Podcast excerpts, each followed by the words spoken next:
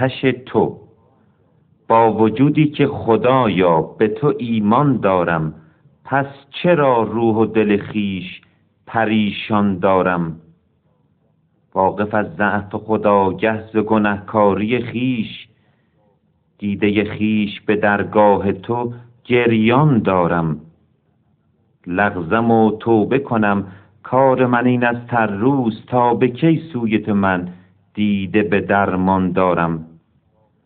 ای خدا واقفم از درد ولیکن درمان ز تو خواهم که دلی بی تو هراسان دارم.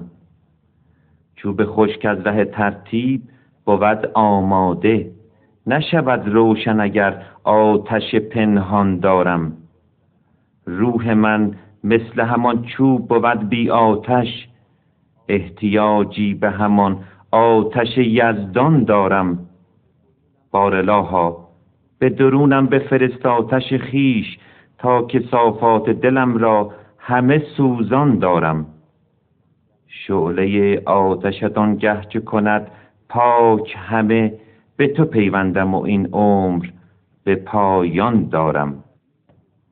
اشعیای نبی که هفتصد سال قبل از مسیح در دنیا زیست می کرد باره عیسی مسیح چنین پیشگویی می کند لاکن او غمهای ما را بر خود گرفت و دردهای ما را بر خویش حمل نمود و ما او را از جانب خدا زحمت کشیده و مضروب و مبتلاگمان بردیم و حالان که به سبب تقصیرهای ما مجروح و به سبب گناهان ما کوفته گردید و تعدیب سلامتی ما بر وی آمد و از زخمهای او ما شفا یافتیم.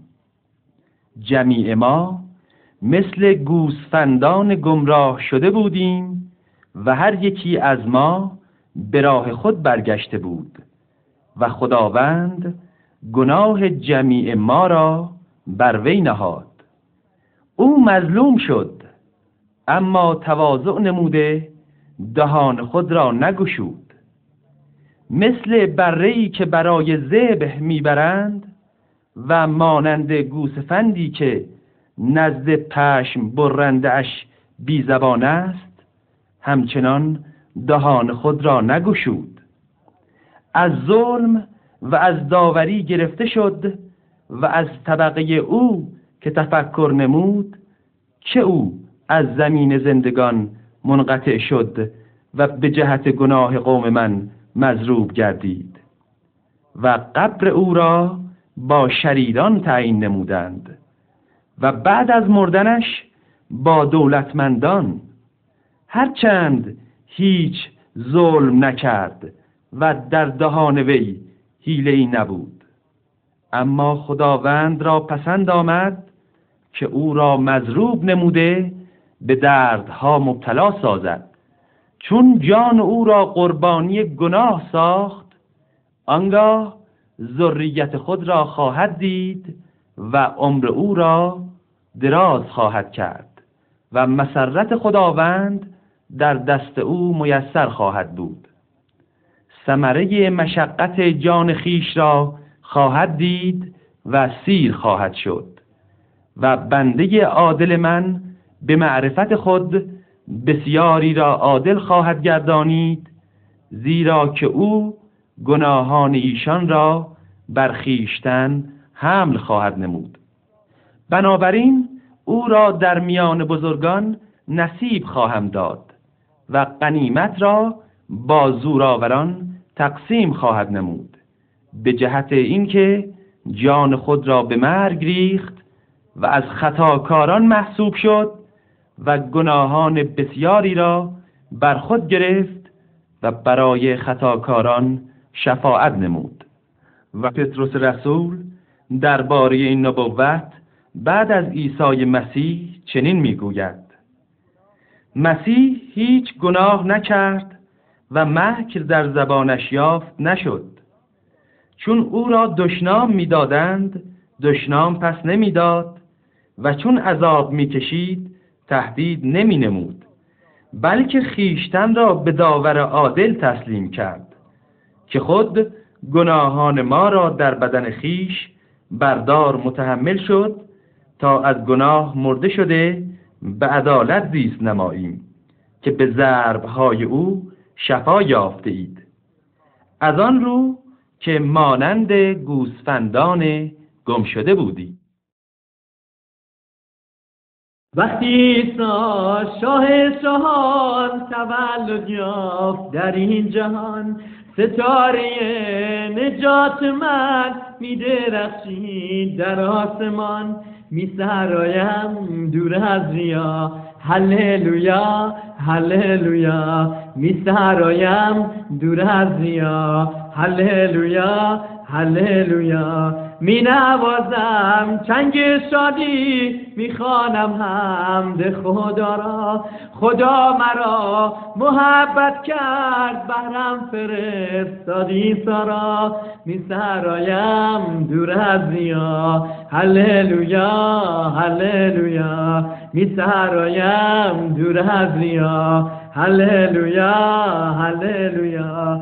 دستا به سوی آسمان شکر می کنم من ایسا را می‌گویم ای منجی خوب میسپارم دستت غم ها را. میسرایم دور از ریا هللویا هللویا. میسرایم دور از ریا هللویا هللویا.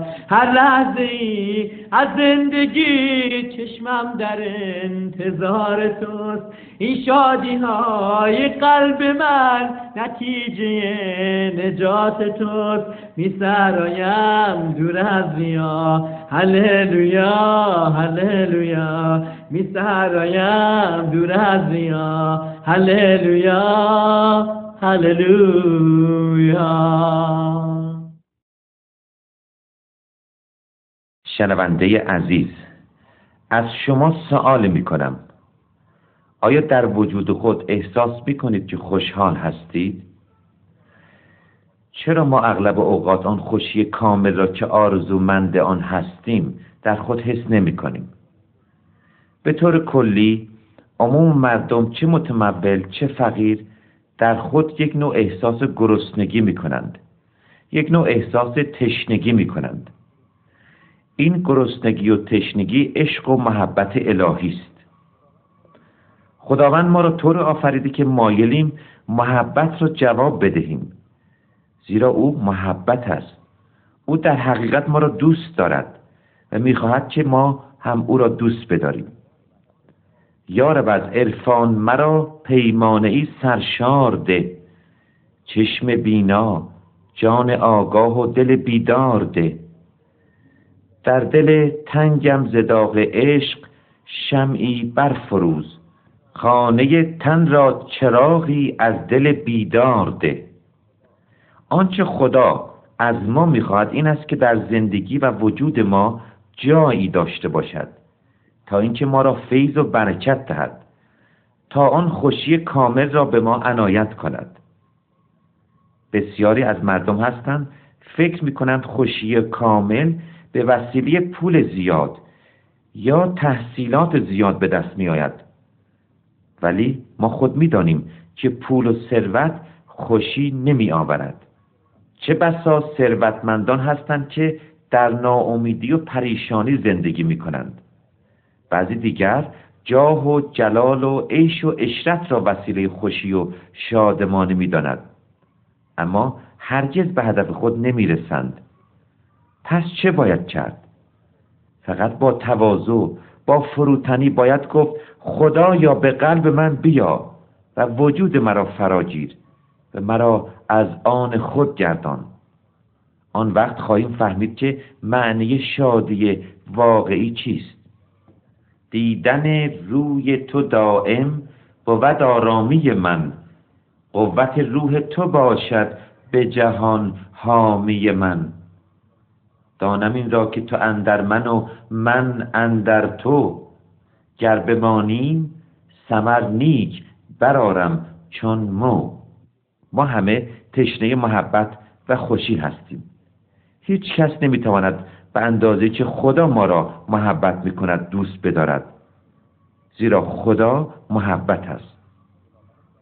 خداوند محبت خود را به وسیله عیسی مسیح که مظهر محبت است بر ما انسانها آشکار نمود. او میفرماید که خدا آفتاب عدالت خود را بر نیکان و بدان میتاباند و باران رحمت خود را همواره میباراند. عیسی مسیح به این دنیا قدم نهاد تا انسان پریشان و مضطرب و گناهکار را نجات ببخشد. او به دنیا آمد تا به ما بفهماند خدا خدای قهار و جبار نیست بلکه خدایی است که هر انسانی را محبت می کند او میفرماید هر کس به او ایمان آورد از نو تولد می شود تبدیل می شود شادی واقعی را در وجود خودش حس می کند معنی زنده بودن و زندگی کردن را درک می کند آیا شما می خواهید با او آشنا شوید؟ اگر مایلید او را بشناسید کتاب مقدس را مطالعه کنید. مسیح در کتاب مقدس میفرماید خوشا به حال پاک دلان زیرا ایشان خدا را خواهند دید آری دل ما مرکز عواطف و احساسات ماست. پس محبت ما نسبت به خدا باید پاک باشد. چون دل ما مرکز آرزوها و احساسات ماست. پس آرزوها و اراده های ما نیز باید پاک باشد به عیسی می‌خواهد دل ما پاک شود. اگر ما به گناهان خود صادقانه اعتراف کنیم مسیح ایمان بیاوریم و بگذاریم خدا وجود ما را فرا بگیرد آن وقت خواهیم فهمید. محبت شادی خوشی و آرامی یعنی چه؟ او ما را دائما دعوت کرده میفرماید بیایید نزد من ای تمامی زحمتکشان و گرانباران من شما را آرامی میبخشم. پس دوستان بیایید اینطور دعا کنیم. ای خدا اذهان ما را روشن ساز تا تو را بهتر بشناسیم. قلوب ما را برافروز تا تو را آرزو کنیم. و اراده های ما را برانگیز تا تو را بهتر محبت نماییم. به نام قدوس عیسی مسیح می طلبیم آمین. امشب ز شادی ها در دل شده قوقام بیا به جمع ما مولای ما ایسا خورشید راه من همیشه تو هستی.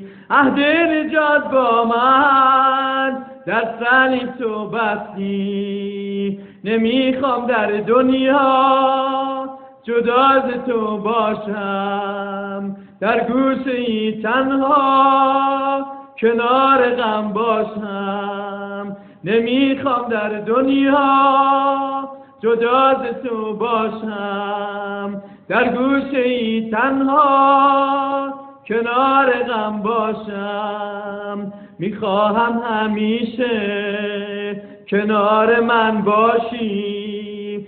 دست مرا گیری تو یاورم باشی. آنگه بگم ایسا تو را من دوست دارم.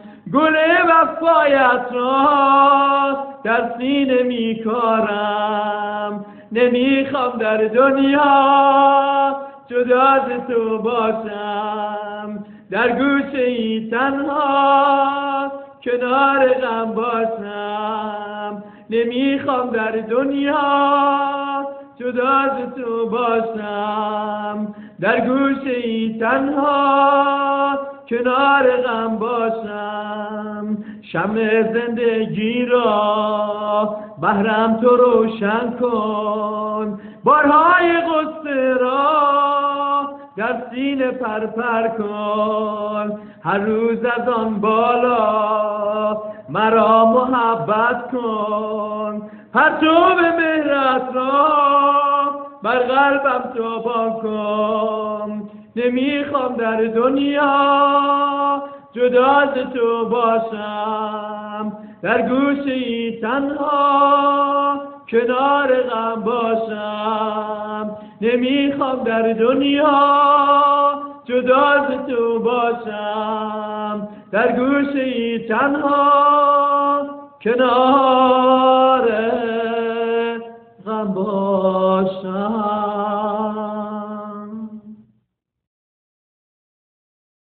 چون توی شبان نیکو بهر من در امان میماند هر جان من. مهر تو بود همیشه در دلم نام تو بود همیشه بر لبم. بهر تو ایسا منجیم می تپد در سینه قلب من. کی میای ای شبا نیکو تا که بی تو را چشم من. در نبرد با گرگ دیگر نمی ترسم چون توی مرا همی ای منجیم. گر شبم گم در دل کوه و صحرا تو میگردی پیدا می‌کنی مرا.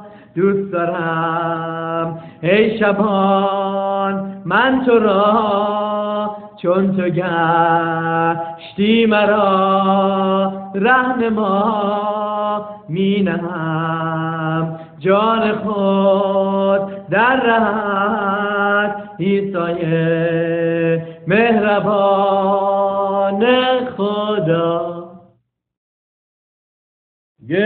یک شب تنهای تنها غرق بودم درون غم.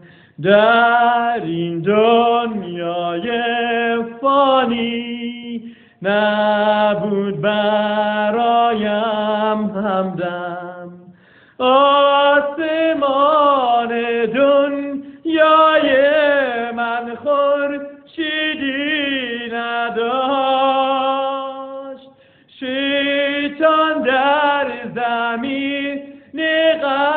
قلبم تخم غم میکاست آسمان دنیای من خورشیدی نداشت. شیطان در زمین قلبم تخم غم میکاشت بین آن تاریکی ها چشم من نوری را دید. فریاد زدم ای خدا کی صدایم را شنید. او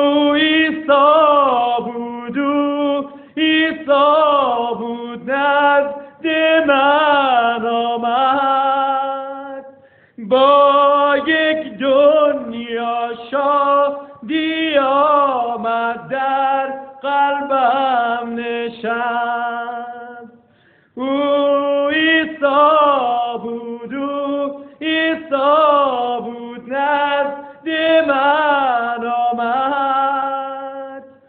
با یک دنیا شادی آمد در قلبم نشست. چون نورش تابید بر من روشن شد دنیای من. شیطان تا ایسا را دید تخمش را برداشت گریز دیگر امروزا زادم من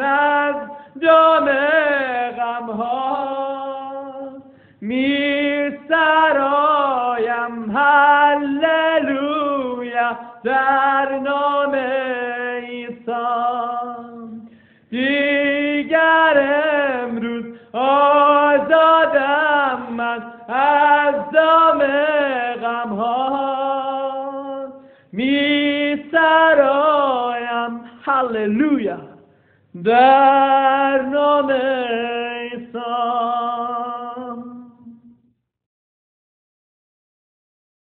دوستان عزیز پیامی که ما برای شما داریم این است که خدا محبت است.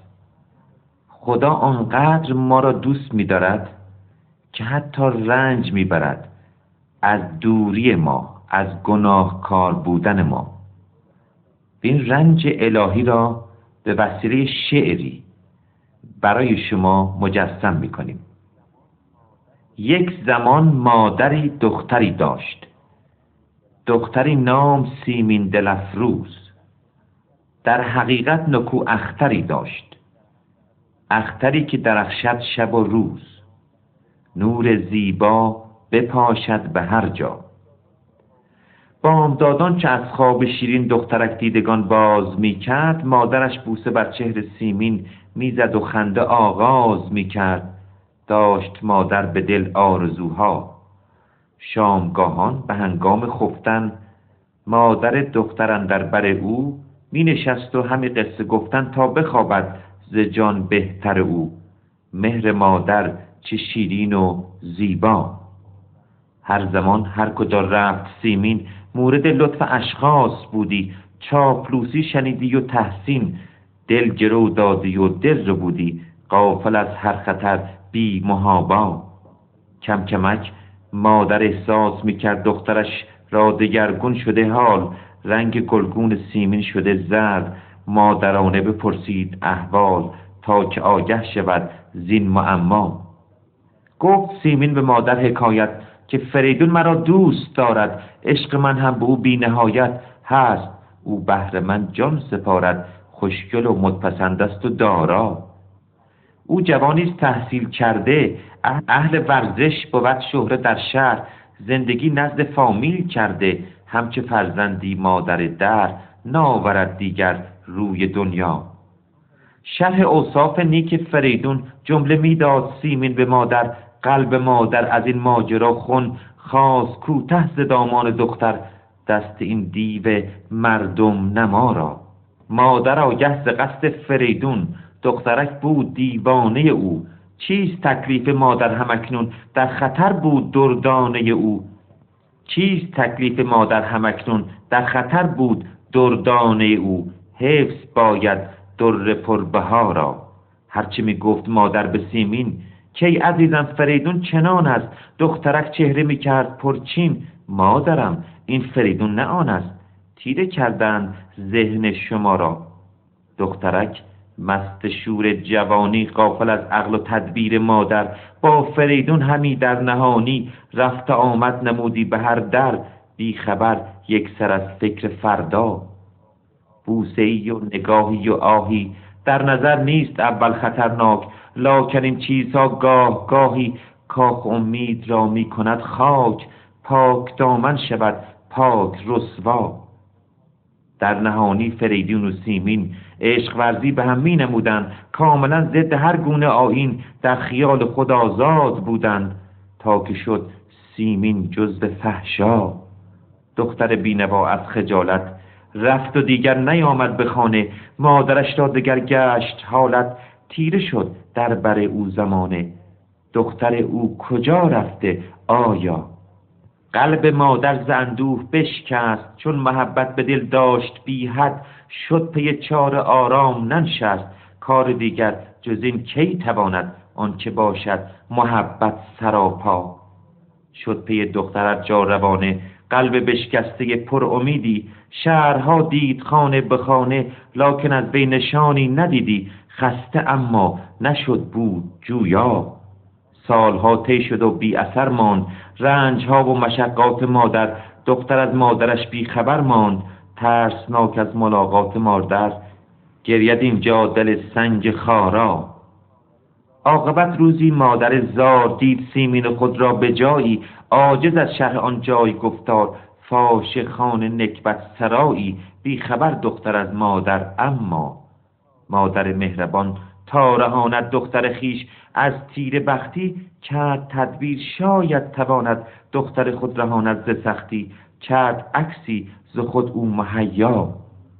رفت و در غیبت دختر خیش عکس خود را در آن خانه بگذاشت. نیمه شادمان نیمه درویش. در دعا دست خود را برافراشت. دخترم سویم آید خدایا. شب که سیمین بیامد به خانه مانده افسرده معیوس و دل سرد تکه بر گوشه ای داد شانه. فکر بدبختی خیش میگرد. ناگهان چشمش افتاد بالا. در میان تصاویر بیریخت. عکس مادر در آن جایگه دید. بی خود از خود شد و اشک میریخت. لیک اشکی که میدادش امید. گریه ها کرد سیمین در آنجا. خسته از گریه شد ساعتی خفت. خواب رفت و در آن خواب شیرین دیگران میشنیدند می‌گفت مادرت منتظر هست سیمین. خیز و نزدش رو یک سر از اینجا. ناگهان جست از خواب دختر. عکس مادر گرفت و روان شد. خواست چون تا زند بر در مادران دم به پیشش عیان شد. شادی بیهد از وی هویدا. گر گنه کرد سیمین ز غفلت داد مادر ورا رستگاری عشق را این چنین است حالت رنج بیند کند جان نساری تا رهاند از آن مبتلا را. مهربانی اگر در میان است با گناهی شود غم پدیدار. این غم مهربانی چنان است رستگاری دهد بر گنهکار. دردهامان شود زان مداوا. آدمی ناتوان است و نادان کی تواند ز عصیان خود رست؟ از گناه بشر قلب یزدان عاقبت بر سر دار بشکست. فدیه شد بهر دنیا مسیحا. در گنه تا نمانم دگر من. کن عنایت خداوندگارا. تا ببینم فقط یک نظر من. عمق این مهر بی انتها را. رنج و اندوه و درد خدا را. آمین. امشب ایسای خوب ایسای خوب. چون گل شکفته شد شکفته شد در قلب دنیا. در قلب آنگه درخشید شاد و خندان ستاره او در آسمان. بهر مردمان شد معما تولد فرزند خدا. آنگه درخشید شاد و خندان ستاره او در آسمان. بهر مردمان شد معما تولد فرزند خدا.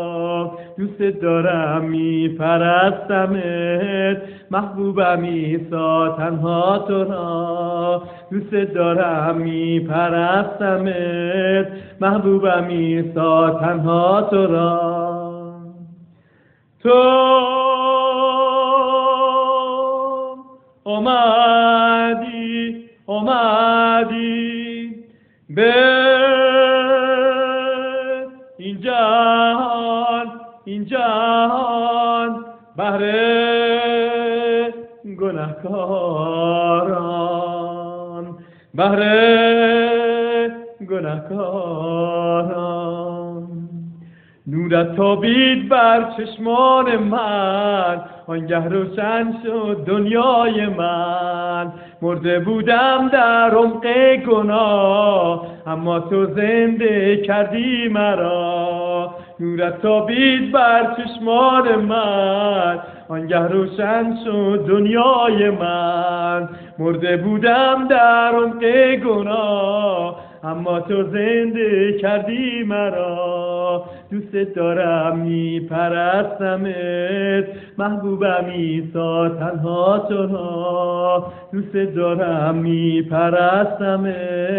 محبوبم ایسا تنها. را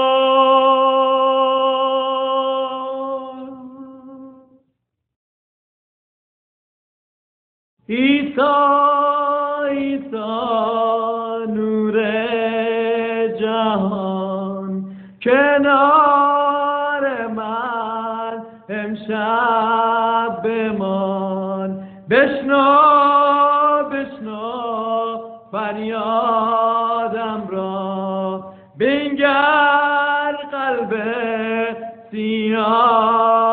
را ایسای خوب تو میدی صدایم را تو بشنیدی روشن کردی چشمانم را آمرزیدی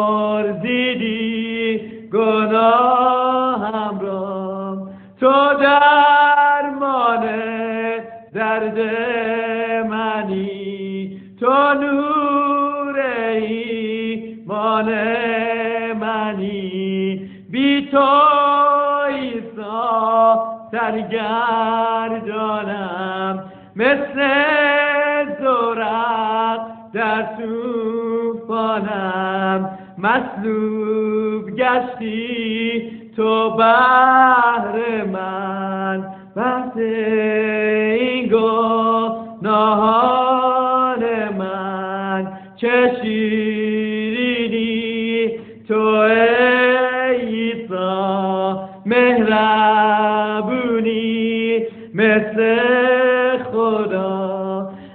شادی ریزد قلبم. تنها تنها تو را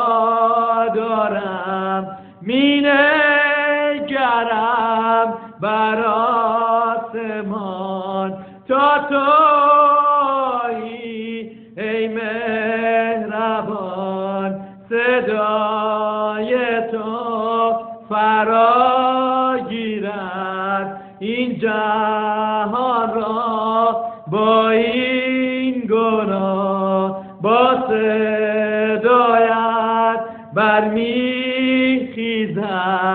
مرده ها نیز بینند تو را. همه گویند با یک صدا. ببخش ما را ببخش ما را. گناه کردیم شرمنده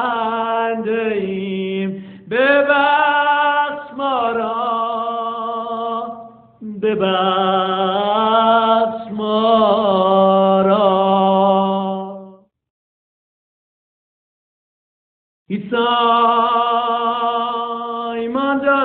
ایمانداران دوست دارم بهر دیدن تو بیقرارم تنها تویی نان حیات. نان حیات تنها تویی چه عظیم است آن روزی که بازگشت کنی به این جهان. مؤمنین با قلبی شادان. سویت میآیند شتابان چه عظیم است آن روزی که بازگشت کنی به این جهان. مؤمنین با قلبی شادان سویت میآیند شتابان. ستایش کنان خواهر گفت خوش آمدی شاه شاهان. ستایش کنان خواهر گفت خوش آمدی شاه شاهان